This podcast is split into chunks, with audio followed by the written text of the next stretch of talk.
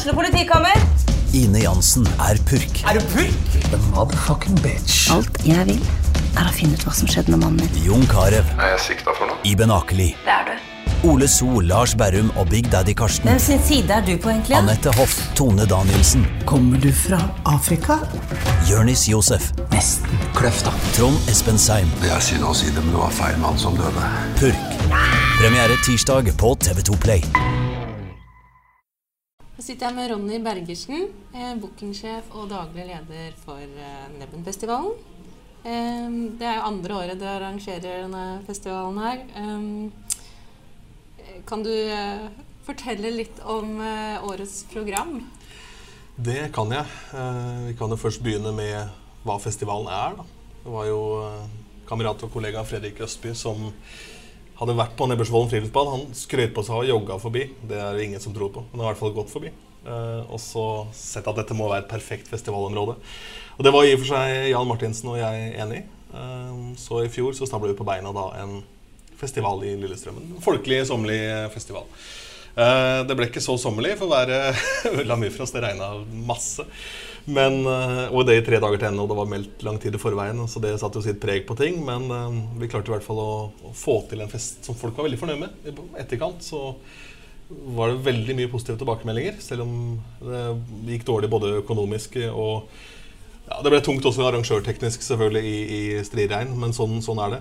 Eh, men de positive tilbakemeldingene gjør at vi satser et år til. Da. Og um, det å booke band er, handler ikke bare om å ringe og si hei, jeg vil at dere skal komme og spille. Eh, dere heter Hellbillies, kom og spill hos oss. Det handler om at Hellbillies spiller et annet sted dagen etterpå eller dagen før. For å passe med reiseruta. da. Vi hadde Åge Aleksandersen på Nebben i fjor. Da klaffa det på første forsøk. Jeg hadde han i Askim i 2014. Da hadde jeg brukt fire år på å få det til å passe. Så det er en del sånne ting som man kanskje ikke tenker på i kulissene. da.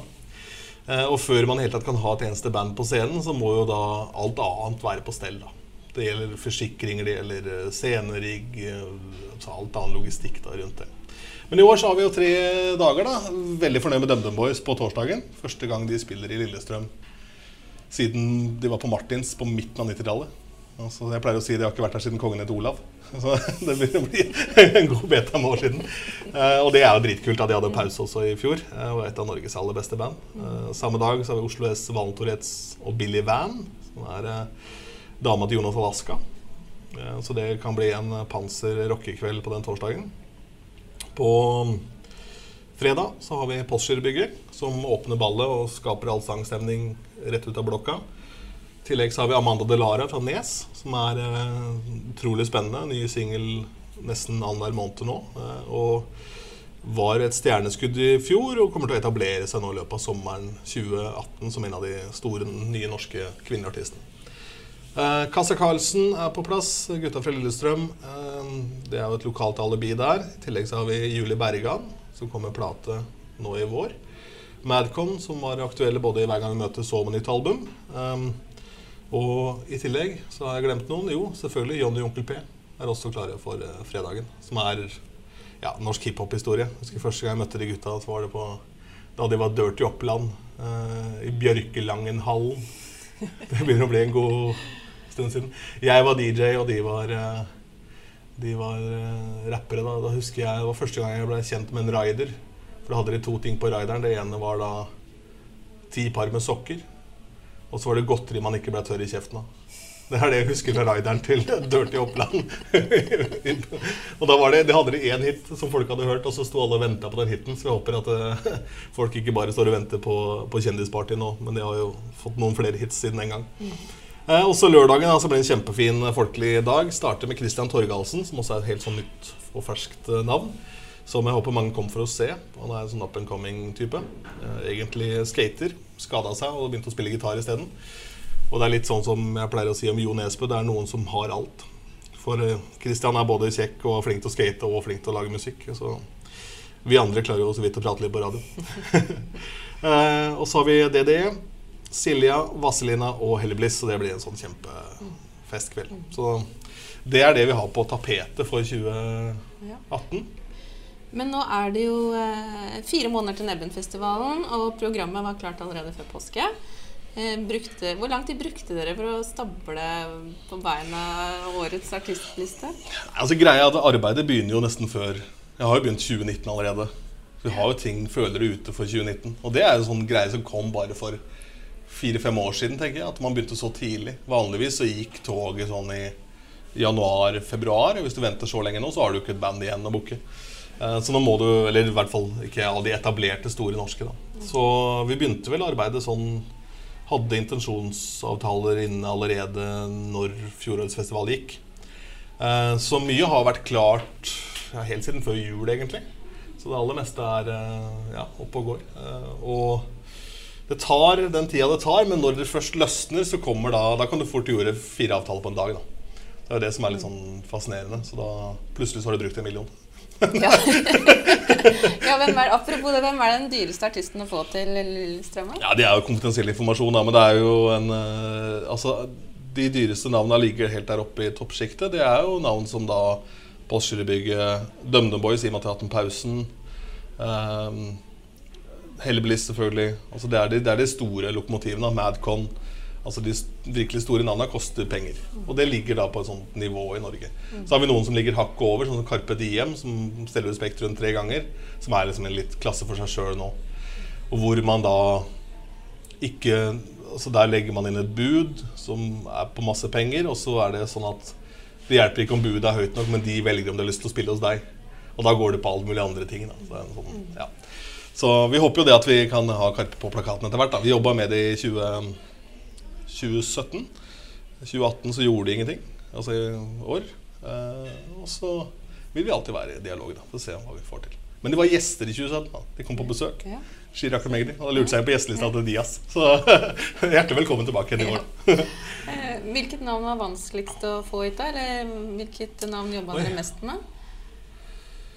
Uh, altså, Nå skal ikke jeg drive og blåse i mitt eget horn her, da, men jeg har jo etter hvert fått ganske bra renommé i og med at jeg har gjort dette noen år.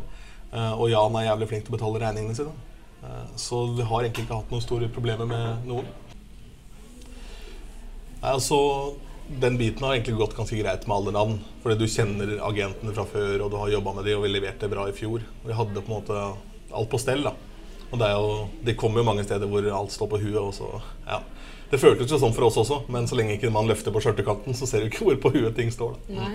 Men uh, gjorde dere noe Er dere erfaringer uh, i fjor som, uh, som tilsier at dere, at dere, skal gjøre noen endringer i år? Ja, altså Selvfølgelig så er man jo mye tidligere ute med å gjøre avtaler om være seg det ene eller det andre. Om det er renovasjon eller byggegjerder eller ditt eller datt. da, eh, Eller whatever. Så jo tidligere ute man er med avtalene, jo mer kan man shoppe rundt. da. Og billigere priser kan man få. Kanskje man får med noen inn som en delsponsor på noe. Kanskje man, at de legger sommerfesten sin dit, og så gjør vi en barteravtale og motfakturerer hverandre. altså En del sånne ting da, Som også gjør at vi kommer til å spare en god del penger i 20, 2018 kontra 2017. Mm. Eh, hvor mange var det som var innom Nebbenfestivalen i fjor, da? Vi hadde vel eh, et besøk på ja, drøye 6500, tenker jeg, i løpet av tre dager. Mm. Det er rubbel og bit. da. Det er jo og inviterte og ja, gjestelister og alt sammen. Hvor fornøyde var dere med det? Jo, vi er jo egentlig altså, Jeg pleier å si at i hele tatt at noen gadd å møte opp og kjøpe billett og komme på den torsdagen. Når det plaska i bakken. Pilsen ble til brigg ute på plassen der. Når Råg og Sambanden spilte. Eh, og da det regna hele dagen. Så det at, helt tatt, at folk gadd å dukke opp, det er bare Ja, vi er veldig takknemlige for alle som kom første året. Fantastisk. Mm. Og målet i år? Målet i år er 10 000 over tre dager. Fullt oppnåelig. Ja. Og det ser også veldig bra ut. Vi ligger et godt stykke foran uh, fjoråret. Sånn salgsmessig. Uh, og ikke minst uh, arrangørmessig så har vi også da mye mer på stell nå enn vi hadde fire måneder før i fjor. Da. Mm. Men du har arrangert festival tidligere også, før Nebbenfestivalen? Ja, jeg har gjort Kraftfestivalen i Askim, som er en festival med en 25 år lang historie. Som vi tok over i 2011 sammen med en partner som heter Tommy Leret. Som er en lokal forretningsmann jeg er ikke helt ulik Jan, faktisk. Han drev også puber og diskoteker og den type ting. Jeg var DJ for han masse på tidlig 2000-tallet. Og så starta vi først Fikk en radiokonsesjon sammen, og så begynte vi da etter hvert festivalen også, da. Eh, og det var eh, spennende, det. Hadde dager med øsende regnvær der òg. men det var veldig, veldig moro. Men, eh, men det var noe annet å komme hit til Lillestrøm allikevel. Lillestrøm er en helt annen sånn kulturhovedstad enn en Askim. Hvis du går en runde i Askim på en lørdag, så det, sitter det kanskje 15 stykker på en uteservering, mens her er jo alle italienerne smekka fulle nedover hele Storgata. Og Fratelli og Mirabel og Casamia. Det er liksom flere hundre mennesker. og Kulturpuben har 200 stykker inne på en, på en konsert på dagtid på en lørdag. Og hvis det er en bra kamp i Champions League, så er det stappa på Martins og pølser. og det er, det er en helt annen vib, da. Så det er veldig uh, merka, det. Men hvordan havna du i Lillestrøm? Nei, jeg hadde en periode hvor jeg prøvde å få meg en normal jobb. Vet du. Jeg tenkte jeg skulle gjøre noe eh, sånn som vanlige folk driver med. Noen åtte til fire-opplegg. Og da jobba jeg for et datafirma eh, som går veldig bra. Det ligger i Storgata, som heter Outsearching. Så jeg jobba der en periode med Google-annonsering eh, gjennom tidligere radiokollega. Eh, og det var veldig hyggelig, men passa ikke meg. Var ikke, var ikke noe særlig flink eh, i den jobben. Og da flytta jeg først til Lørenskog, for det ble for langt å pendle fra Askim. Og så flytta jeg etter hvert da fullblods til Lillestrøm, sånn på sikt. Så det var, eh, var veldig fine år, det, altså, men det bare ja, det ble, ble rastløst, rett og slett. Ja. Du virker jo veldig opptatt av musikk. Er det en interesse du har hatt uh, lenge? Ja, Det starta, det var jo sånn VG-lista-opplegg. Du hørte på alt som kom på VG-lista og Tieskuddet når det var eh, drittunge, holdt jeg på å si. I mangel av bedre ord. Og så kom på en måte den store musikkinteressen for hvor alt dette kom fra, som kom gjennom broren min. Um, som har hatt ganske tøffe perioder i livet med rus og forskjellig. Uh, og han flytta da i en periode hjem igjen til uh, mamma. Og Der bodde jeg òg, og da hørte han Jeg tror den første låta jeg på en måte fikk meg hekta på, var Pink Floyd med 'Wish You Were Here'. Og så vokste interessen da ut fra Pink Floyd. Det kulminerte da med at jeg fikk tatt med han for å se gitaristen i Pink Floyd i Kroatia på 40-årsdagen til broderen. Så det var jo Da var ringen slutta der. Så det har alltid vært musikk. da Det har vært den store drømmen òg, på en måte kunne leve av det. Altså at alle disse det lappeteppet av ting man driver med, da, om det er festival, om det er spillejobber som DJ, eller om det er radiomann, at alt det på en måte kan bli Om ikke man det er ikke en krukke med gull i enden av regnbuen der, men det blir i hvert fall nok til at du kan leve av det. Da, og ha et decent liv. Det har vært uh, drømmen hele tida. Det har man på en måte også oppnådd. Da. Og oppnådd det litt tidlig i alder, kanskje. Så ja, da må man finne andre ting å strekke seg etter. Når, når, begynte du å reise rundt som DJ, da? Oh, det var jo før jeg fikk lappen. Leide inn kamerater som kjørte. Jeg vet ikke. Jeg hadde liksom første, første betalte spillejobben min hadde jeg nyttårsaften år 2000. Husker jeg. Første det var gjennom ungdomsklubben. Vi hadde en fantastisk ungdomsklubb i Askim som la mye av grunnlaget for eh, ikke bare min interesse, men for veldig mange andres på mange plan. Eh, som dessverre nå er lagt ned. Men eh,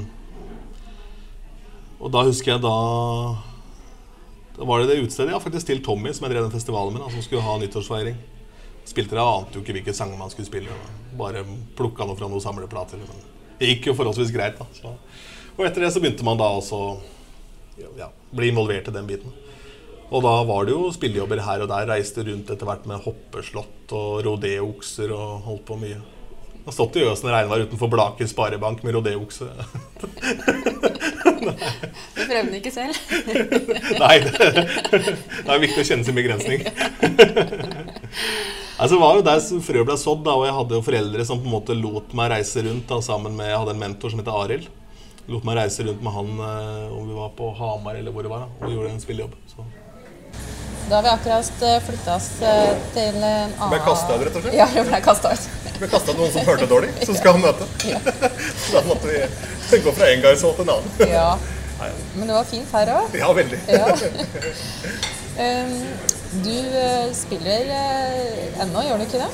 Jo, jeg spiller så ofte jeg gidder, holdt jeg å si det er jo privilegiet da, med å ha holdt på noen år, at du blir kjent med folk.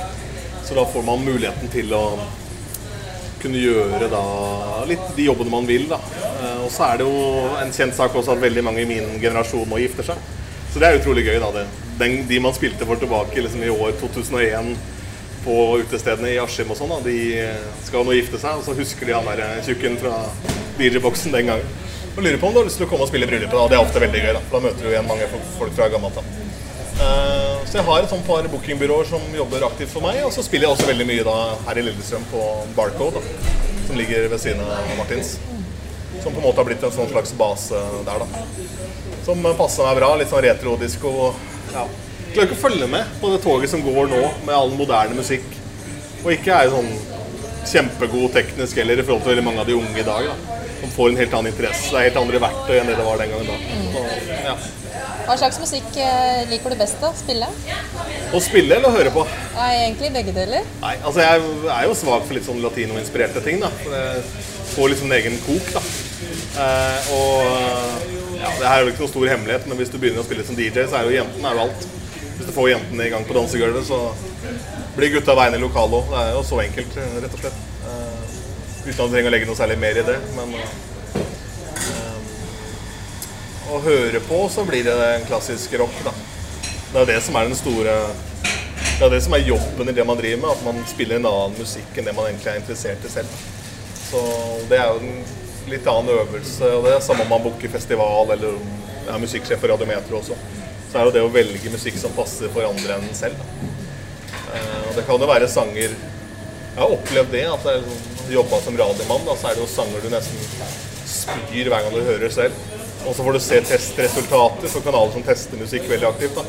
Og så elsker publikum de sangene etter fire-fem måneder og bare ligger på spillelisten i evig tid. Så, eh, det er en sånn veldig vanlig tanke at uh, hvis man sitter på jobb seks til åtte timer og hører på radio, så er det veldig få andre som gjør det på den måten. De gjør det kanskje et kvarter om dagen, 20 minutter om dagen i en biltur hit eller dit. da. Så en vanlig radiolytter hører ikke åtte timer om dagen. Så man omstiller hodet sånn veldig, og det gjelder jo oss som jobber der også. Vi hører jo de sangene og ser de sangene i spillelistene våre ofte. da. Men du er jo musikksjef eh, i eh, Radio Metro òg. Ja, stemmer. Ja. Eh, hva er viktig for deg når du skal velge musikken mer? Nei, altså det, jo, det blir jo sjelden skutt da, for sjanger du ikke spiller. Men du kan jo bli, eh, få desto mer kjeft for sjanger du spiller, da, som på en måte ikke passer inn. Og så finner man et metro-sound. Det har vært hele essensen for oss. Og metro skal være en sånn en hyggelig kanal som ikke plager deg på noe vis. Du vil aldri høre masse fuzzgitar på Radio Metro. Eh, Du vil aldri eh, få noe metal, f.eks. Vi har ingen spesialprogrammer som går på musikk. Vi spiller noenlunde samme profil hele døgnet. Så uansett om du da sitter i bilen og kjører til jobben, eller om du kjører poden på fotballtrening klokka åtte på kvelden eller sju på kvelden, så skal du på en måte kjenne igjen radiometeret i musikken. Eh, Og Det betyr også at det er ikke så lett å finne nye sanger, da, for mye av lydbildet på de sangene som nå er populære, er ikke nødvendigvis sanger som passer oss. da. Så ja, det er, eh, det er spennende. Det er moro. Det er moro å gjøre musikk til science. Da. Det har- vært gøy. Når er det du begynte i radio? Oi. Ja, vi er på, tilbake på det samme momentet. 2002. Ja. Begynte å koke kaffe. Og så hadde sånn topp 30-sendinger. Eh, så jeg begynte med på noe som heter Radio City ute i Askim. Eh, og så ble jeg headhunta derfra til Radio 1 da jeg var 19. I Oslo, da. Og da sendte jeg Oslo, Bergen, Trondheim, Stavanger. Og det var jo veldig kult. Det var den yngste noensinne som begynte fast i Radio 1 da. Eh, Så varte det et par år, og så ble det nedskjæringer, nye eiere. For da gjorde de mye gøy, men tjente ikke penger. Sånn som mange andre holder på med. Eh, Og da skjønte jeg det at jeg kom til å få fyken i og med at jeg ikke hadde noe særlig ansiennitet. Så da begynte jeg en annen jobb i Drammen. Jeg møtte Niklas Baarli annet, som nå er ja, Han er vel i Radio 1 nå, men tidligere P3-profil. Eh, Jeg ble kjent med han og flere andre. Eh, En som heter Tom Mario, som laga dokumentaren om Marcus Martinus. Det er mye kule folk da, som man møter opp gjennom åra. Eh, Og så havna jeg i Metro tre måneder etter at Metro starta. For den radiostasjonen som jeg jobba med i Drammen, de mista konsesjonen og gikk da konkurs. Så gikk jeg på sluttpakke og måtte flytte hjem til faren min igjen. husker jeg. Det var brutalt, det. Etter å ha vært litt sånn uh, kald rockestjerne i gåsetegn i, ja, i radiobransjen. Og så måtte hjem på promperommet til pappa. Lærte mye om deg sjøl på den tida. Det var en bra øvelse. Ja. Det er, eh, blir veldig sårbar. Når på en måte alt du driver med er knytta opp mot det du sjøl holder på med. Ja. Ja, beklager. Men eh, du har, har jo fått en annen rolle i Nebbenfestivalen nå enn du hadde i fjor. Nei, i og for seg ikke. Jeg hadde samme rolle i fjor. Jeg var dagleder leder i fjor også, og bookingsjef. Men eh, Fredrik eh, valgte jo å trekke seg. Det lot seg ikke kombinere med hans frilansoppgaver. Eh, og det skjønner jeg veldig godt. Jeg merker jo det både Jan og jeg også, det tærer jo på. Vi har jo en ganske aktiv hverdag i utgangspunktet, og så skal man gjøre dette i tillegg. Um, og, men jeg har jo da Kanskje må du gjøre mer ting overfor media enn det jeg gjorde i fjor. da. Men sånn markedsføringsmessig sånn, så har vi ansatt en jente som hjelper oss med den biten. da. Så det er jo den store forskjellen sånn rent praktisk. At nå er det faktisk mennesker som er ansatt i Neben. og ikke bare to surrebukker som holder på å ja, drive med dette på si. Har du lagd noe regnskap og hvor mange timer eh, Nei, det tør jeg ikke begynne med. Nei. Nei, da får jeg ikke lov av mamma til å holde på med dette. nei da, nei, men det blir, det blir mye. Det er nok eh, fort et årsverk som går med der, fordi ja, Det er alle tinga man ikke tenker på. Bak hver eneste søppelkasse, bak hvert eneste gjerde og bak hver eneste høyttaler som henger der, så er det gjort en avtale der. Eh, og de som har hengt opp i disse tingene her, også blitt booka av noen og satt på en jobb av noen. Bak hver eneste kilometer som er kjørt og henta noen ting, så er det Det ligger en plan da, en, mm, bak hver brødskive som er smørt backstage. Så, ja. Men uh, det er sånne ting man ikke tenker på. Uh, og det husker jeg var ordentlig brutalt det i 2011 når vi tok over den festivalen. Tenkte at her var det bare å stable ting på beina, og så var det ikke det. Så Men man har gjort seg mye erfaringer, da. Og det å arrangere på et nytt sted og ja. Det, blir, det er noe nytt uansett. Men vi kan ikke begynne å regne på timer. Jeg tror, ikke, jeg tror ikke det hadde gått så bra for Jan heller hvis han regna på timer den gangen han jobba som sveiser og sto på Martins og serverte øl etterpå. det, er ikke, det er ikke sånn det funker. Men hva motiverer deg til å legge ned så mange arbeidstimer, da? Det er positiviteten fra folk, da. At uh, folk vil ha denne festivalen. Uh, og jeg tror det er liv laga. Og eh, området er dritbra. Artistene syns det var dritbra å være der. Utrolig, utrolig mye bra folk rundt Jan. Altså den Kall det Martinsgjengen, som på en måte er rundt der, som da Vi snakka om det senest her om dagen, at i den ene baren så var det det var liksom folk du stort sett ser på andre sida av baren, som plutselig sto der og serverte øl og god stemning. og så blir vi veldig inspirert av å jobbe med Jan. For han har en sånn ordentlig gnist og en glød for Lillestrøm da, som jeg aldri har opplevd noen andre har for noe sted noen gang. egentlig. Uh, og er også uh, kanskje til tider i overkant raus, da. Men ja. Det samme gjorde cupfesten også. Det er samme opplegg. Du får den derre ja, Tenner en sånn gnist, da. Som, og så er det moro. Det er og sky's the limit for Nebben. da. Altså Nebbenfesten kan bli gedigen.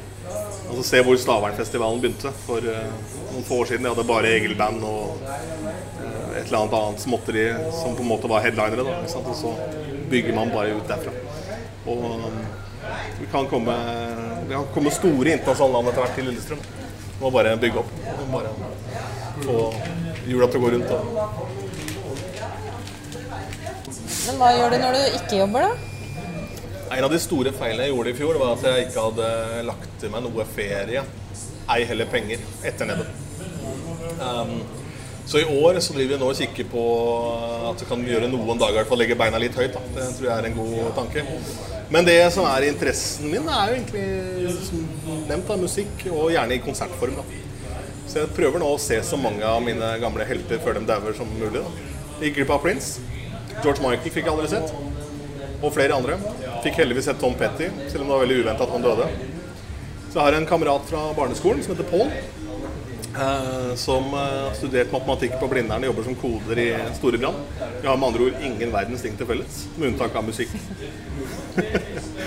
og så er vi glad i en god biff. så vi reiser rundt en god del i Europa og har også vært i USA og sett konserter. Så i sommer så har vi lagt opp et ganske bra løp. Vi skal se Orchard Waters fra Pink Floyd i Lisboa blant annet. Skal uh, se Deppers Mode igjen, som vi også så i fjor sommer. Turnéavslutning i Tyskland. Um, skal se Electric Light Orchestra i Oslo. Så vi reiser rundt. Altså, det blir som en tur, samtidig som uh, det blir som en liten miniferie. Man får sett et nytt sted. Og så får man også oppleve en litt annen konsertkultur enn i Norge. For du skal ikke så veldig langt utenfor Norge før det på en måte er et gigaprivilegium at Paul McCartney kom på besøk. Mens i Oslo så har folk så mye penger at når han kommer på Telenor Arena, så er det ikke smekk utsolgt umiddelbart fordi vi har råd til å vente litt tettere opp, og vi er ikke så nøye på det. da. Mens vi så den i Tsjekkia en gang, og der er sånn, hver eneste tsjekker er bare superhappy. da. De har spart penger for å kjøpe den billetten. Eh, og det er en sånn glede for musikk som ikke nødvendigvis ser andre steder. Så eh, Vi så Deppers Mode i, i eh, Berlin i fjor. Var det jo da 70 000 mennesker på Olympi- Olympiastadion som ikke utsolgt. Så åpner himmelen seg med tordenskrall, og det lyner. Og alle tyskerne tar på seg regnponcho, da står det to idioter i shorts og T-skjorte, og det er vi fra Norge. og da var det, det var sånn nebbenreint. det var helt eh, Men eh, samtidig varmt, da. Så det var, og det er eh, Så vi har jo da våkna opp og bare snakka om det du opplevde i går, som de konsertopplevelsene. Du får jo Jeg pleier å si at det er sånn Snapchat av tiden. En sånn snapshot av tiden. At du det er to timer du går glipp av hvis ikke du er der. Uh, og vi har sett utrolig mange bra band, alt fra Aerosmith til The Who. Vi har sett a-ha i utlandet. Um, ja, Roger Waters, David Gilmore, Tom Petty. Så den siste konserten han gjorde på europeisk jord i fjor. Sammen med Stevie Nicks fra Fleetwood Mac. Fleetwood Mac i Dublin. Nei, vi, har, vi prøver da å få med oss en god del hver sommer da, og se litt konserter. da. Eh, og det er også en kjent sak at det er jo forholdsvis billig å fly blitt. Og det er også billig å bo og spise og drikke i utlandet. Så det vil være, ofte være billig for oss å reise et eller annet sted og se en konsert enn det er å dra på Telenor Arena. Hvis du da skal spise middag først og ta noen øl ved siden av. Så. Men det er, eh, så det er jo den store interessen da, ved siden av disse tingene her. Prøver å få så mange store konserter under beltet som mulig før, eh, før eh, det legger på røret, rett og slett. Jo, Mick Jagger er jo over 70. Hvor mange konserter har du vært på, tror du? Uff, har ikke peiling. Det er, er hundrevis. Ja, det er nok det. Det kan være bitte små ting også. Jeg har sett uh, små konserter på Nilsen i Oslo. Jeg har sett eh, eh, små band på John D og ting på Rockefeller som har blitt store seinere. Men eh, aldri Men det blir jo ofte på fotballstadioner og sånn når det er liksom de store, store rockerne som er i ferd med å dø da, etter hvert. Så men bare få det med deg før, man, eh, før toget går. Så det er, det er morsom eh, Og så er det også et eller annet med å ha en sånn kompis da, som er kjent hele livet. Som aldri krangla. Aldri noen gang. Og han blir alltid med. Ja, stort sett. Det er, én gang husker jeg, hvor jeg foreslo et eller annet eh, som man da ikke var interessert i. Men det er veldig sjelden. Veldig sjelden. Det blir som regel å ha, veldig sånn å snakke samme språk, da ting går i samme tempo. Det er ikke noe sånn, Jeg blir veldig stressa hvis jeg er på tur med noen og de må oppleve alle severdighetene på et kvarter. Eh, Det orker jeg ikke. Så da må jeg liksom velge ut hva er det som Vi var eh, i San Francisco eh, i mars et år, da. Og da regna det, så var vi da på Alcatraz, og da skulle vi se Golden Gate. Da. Så tok vi ferja til Alcatraz. Og da ser Pål på meg, og så ser jeg på han, så sier han det er jo bare en bro. vi så den fra ferja. Da, dropper vi den. For det er jo bare en bro du tar en selfie med. Det er ikke så veldig viktig når alt kommer til alt. Så ja. Um, Men det er, nei, det er, så det vennskapet der er veldig viktig. Det er, eh, å kunne opprettholde den biten eh, sammen med alt annet man holder på med, er, eh, er et privilegium. Er det noe du gjør i livet ditt som ikke dreier seg om musikk, da? Nei, det er lite. Det, det blir jo det. Det blir sånn altoppslukende. For jeg er interessert i, På vei til intervjuet her nå, så hørte jeg en, en podkast om em, eh, en plate med Van Morrison, hvor eh, ene bassisten eller gitaristen ble drept da, underveis i innspillinga. Eh, Hvor Van Morrison gjemte seg da i Boston fra mafiaen i eh, New York. Da? Men det er man tilegner seg kunnskap. Da, og det er et eller annet med det å vite det om den plata. Da. Neste gang man sitter og prater med noen. Og så, ja, som er veldig sånn Det blir som en rus, da. så liker det. Så, men for all del, jeg kan se en bra TV-serie som handler om noe helt annet, eller gå og se film på kino, eller uh, Ja. Men det er stort sett det det går av. Konserter og den type virksomhet. Glad i å quize. Lager quiz. Har quiz på onsdager. På, også på Barcode. Og i tillegg så har vi også da Det er jo musikk igjen, da, men vi har jo sånn musikkbingo. Som er veldig populært i, i Oslo, som vi har tatt til Lillestrøm. da Som vi prøver å få i gang på mandager, som driver og bygger opp nå. Så, nei, så svaret er vel nei, skal jeg være helt Når alt kommer til alt, så blir vel svaret på det nei. Du, det virker jo som du er mye ute og tar pulsen på utelivet i Lillestrøm. Hvordan, eh, hvordan har det blitt til hvert? da? Ja, si det. det er, eh, jeg er jo sånn Jeg er ikke interessert i å gå på et fancy diskotek, da. Bare drithøy lyd og masse lasereffekter og sånn. Det, det blir ikke Det har ikke jeg. Jeg er mest glad i en brun pub. Jeg vil kunne sitte i hjørnet og høre en eller annen låt jeg kanskje har hørt før, og trampe takta til den. og jeg var jo i Irland for noen år siden på 17. mai. Og det er sånn Det er verdens beste 17. mai å stå i Temple Bar på en helt vanlig onsdag, og alle bare synger med til trubaduren, og det er god stemning. Eh, og det er på en måte litt det man prøver å fange når man er ute. Og, eh, så for meg så er det ikke noe om klubben eller puben er fancy ditt eller datt, eller om de har masse spesialøl. eh, Det spiller ingen rolle. Så gi meg en pils og ja, en barkrakk. Det er, ja, det er stort sett det det går i. Men eh, det er jo det er også stor forskjell på Askim og, og Lillestrøm, da. I Askim er det ikke et sted du kan få en øl etter klokka 11. Mens Martins er alltid oppe. Hver eneste dag i uka, om det er søndag eller det er tirsdag eller eh, lørdag, spiller ingen rolle. Det er, eh, det er oppe til to eller tre på natta, og det er alltid folk der. Sitter alltid en, en liten gjeng. Da. Eh, Så da hvis du har vært ute på et eller annet i Oslo, så kan du alltid gå og ta den siste ølen innom Martins. Var det der du traff Jan òg, eller? Ja, traff Jan Ja, Det er egentlig et godt spørsmål. da. Det var jo Fredrik som interesserte meg for Jan da, i sin tid. Og så ble jeg egentlig kjent med han gjennom festivalen. Så jeg har bare kjent Jan et drøyt år. Eh, Ja, eller halvannet år nå. Så det har blitt mye moro på den korte tida. Så det er moro. Og vi eh, må nok bremse hverandre og dra hverandre i gang eh, litt sånn hipp som happ, da. For vi jobber på litt forskjellig måte, men samtidig så beundrer jeg veldig den måten Jan driver business som er relasjonsbasert på. For det er Det Merker man den dagen det smeller, da, hvor du virkelig trenger hjelp, så merker du at det lønner seg å ha kjent noen i mange mange år.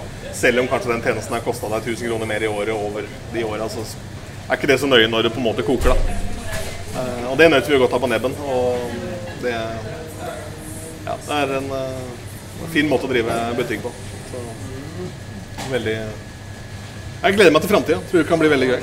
Vi har som sagt vi har allerede lodd ute for 2019 nå, så Men vi håper jo inderlig at vi skal kunne klare å karre oss i noe som ligner på en break-even, i hvert fall, da, i 20, 2018. Så det er jo målet. Og det er fullt oppnåelig. Så bare håpe at værguder og andre guder spiller på lag. Ja.